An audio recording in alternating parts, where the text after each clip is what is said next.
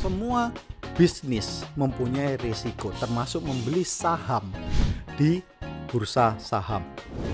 Invest ke satu bisnis yang baru dimulai atau bisnis startup. Tapi mempunyai risiko yang cukup tinggi loh. Ada orang yang merasa punya duit cukup dinikmatin. Nah, pertanyaannya, anak-anak bagaimana? Anak-anak ya suruh cari sendiri. Kalau saya, saya lebih senang saya beli aja di pasar modal. Kenapa? Sampai kapan kita ingin mencari uang? Karena tahun 2012 saya pernah menulis buku Mama Papa Izinkan Aku Sukses, Kaya dan Bahagia. Kehidupan kita dibagi menjadi tiga fase.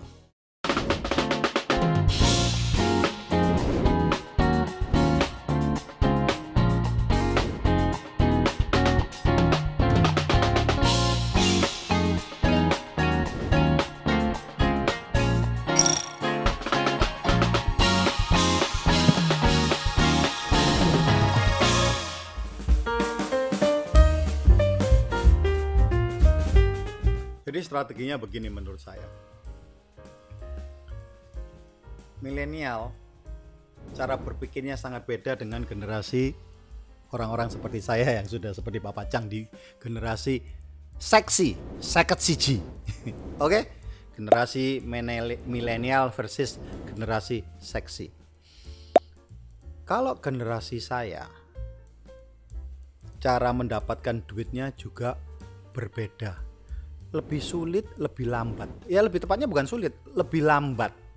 Tapi gaya milenial sekarang, dia suka yang instan, cepat termasuk disertai dengan banyak instrumen yang memang bisa mendukung fast money, quick money, instant money. Otomatis spendingnya juga easy, easy, easy, easy. Tapi kembali lagi, menurut saya, ya, menurut ilmu keuangan yang benar yang diciptakan sudah zaman zamannya kakek saya. Punya uang tentunya 70% kalau bisa jangan dihabisin dulu ya. Satu, kalau Anda belum punya rumah, minimal beli rumah dulu. Rumah sekarang untuk milenial tidak perlu besar karena anak milenial kalau disuruh di rumah dia pasti stres. Dia sukanya move around. Dia suka yang hidup yang very convenient, simple. Cari aja apartemen. Oke, setelah punya apartemen. Nah, ini yang paling penting biasanya. Dia butuh penampilan. Bisa invest juga di mobil. Lo kenapa saya bisa bilang invest? Kalau memang duitnya banyak. Ada orang yang bilang beli mobil itu rugi. Ya mungkin Anda belum tahu. Sama dengan beli jam rugi karena Anda tidak tahu beli jam apa sehingga Anda bisa rugi. Ada jam yang dibeli naiknya bisa tiga kali lipat, ada yang bisa naik empat kali lipat. Mobil juga begitu. Ada yang bilang begitu mobil keluar showroom dia turun 10-15%. Tapi ada mobil yang begi tidak perlu keluar showroom. Begitu Anda DP dia sudah harganya naik. Tentunya ini mobil-mobil yang jarang. Jadi tergantung income kita, tergantung para milenial income Anda berapa tetapi yang paling penting menurut pesan saya, menurut saya pesan-pesan ini harus diingat. Jangan pernah berhutang untuk kebutuhan sesuatu yang konsumtif. Karena itu adalah hutang yang paling berdosa. Contohnya Anda kepingin beli baju. Ya, terus Anda ngutang. Ini konsumtif. Anda kepingin jalan-jalan ke luar negeri, terus ngutang Apakah itu smart? Ya ngutang boleh di rumah. Tapi pastikan penghasilan Anda bisa bayar cicilannya. Jadi yang paling penting diperhatikan bagaimana sumber cash flow innya. Cash flow innya. Simpelnya begini, gimana cara menjadi kaya? Gampang. Gimana Anda bisa gendut?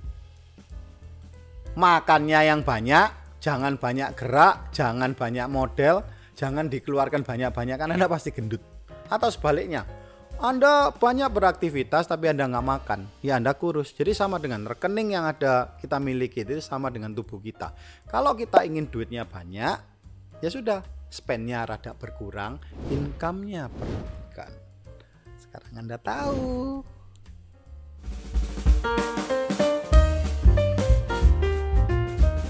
Pengusaha atau investor? Sama dengan tangible atau intangible, tergantung dari style yang Anda suka. Kalau Anda memang bersedia satu bisnis membelenggu kebebasan Anda, jadilah seorang pengusaha. Sudah dibahas di beberapa episode Aspa Pacang. Kita tidak akan pernah bebas.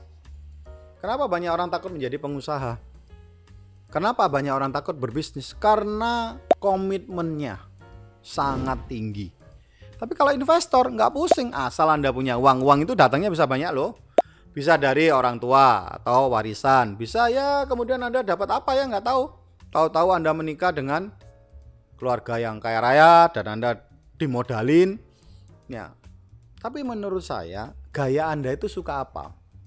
Ada orang yang punya duit banyak itu stres kalau dia nggak kerja tapi ada orang meskipun duitnya sedikit, kalau suruh kerja stres loh.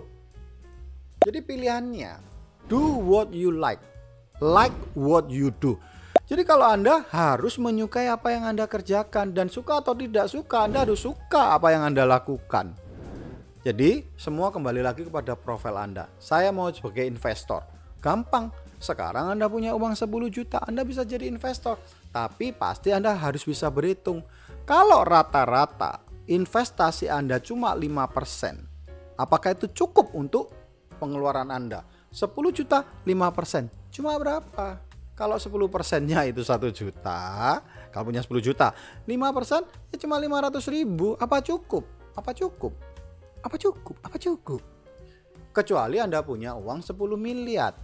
Anda investasikan ke pasar saham returnnya cuma 10 persen dapat satu miliar dibagi 12 nah itu masih bisa hidup. Kembali lagi kembali lagi. Berapa uang yang anda investasikan?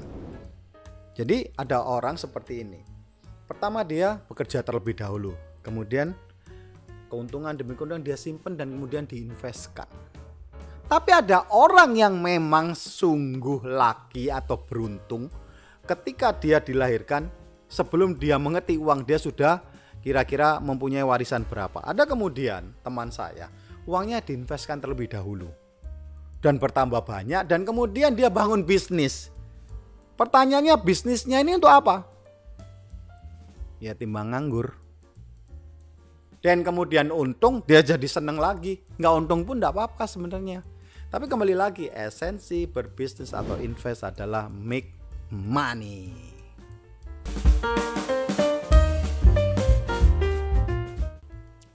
Kapan Anda mulai butuh duit? Mungkin mulai kecil Anda sudah butuh duit, tapi pertanyaannya kapan Anda mulai boleh? Boleh make money, kan nggak ada batasnya. Semakin mudah semakin bagus. Saya masih ingat anak saya ketika saya kecil, uh, anak ketika anak saya kecil, saya ajarin dia berjualan. Dia di dia waktu SD dia jualan kartu Natal, kartu ucapan, jual kuncir, jual macam-macam ya tujuannya saya berusaha mengenalkan dia mengerti tentang uang. Uang itu didapat bukan hanya meminta dari orang tua atau orang yang terdekat. Tapi konsep saya kepada anak-anak saya adalah uang harus Anda cari. Untuk itu saya ingin dan saya yakin anak-anak saya termasuk generasi milenial. Tidak bekerja, jangan makan jadi dia harus sedini mungkin mengerti. Dan bahkan anak saya yang laki di usia 20 saya sudah sekolahkan dia untuk investasi. Dia sudah jual beli perusahaan di usia yang sangat muda. Caranya bagaimana? Sangat gampang. Di pasar saham jual belinya. Semuanya tentu harus belajar. Kalau kita bisa mendapatkan uang dari hasil pemikiran kita, tenaga kita, di usia yang lebih muda. Artinya begini, kalau Anda umur 10 tahun, kalau Anda umur 15 tahun sudah bisa make a lot of money, kenapa Anda tunggu 25? Karena banyak waktu rasanya yang akan Anda wish, Anda sia-siakan. Karena yang namanya bisnis model sekarang konsepnya sudah berbeda dengan dulu sudah juga dibahas di episode-episode yang lalu bahwa bisnis sekarang sangat mudah, tidak bisa membuat barang, Anda jadi reseller. Anda tidak mau menjual barangnya orang, buatlah barang sendiri. Sebisa mungkin Anda tidak bisa membuat barang, juallah pemikiran Anda. Bagaimana ngajarin orang supaya bisa berbicara di depan kamera dengan bagus, bagaimana mendesain baju dengan bagus, semuanya ini harus berpikirnya money, money, money, money.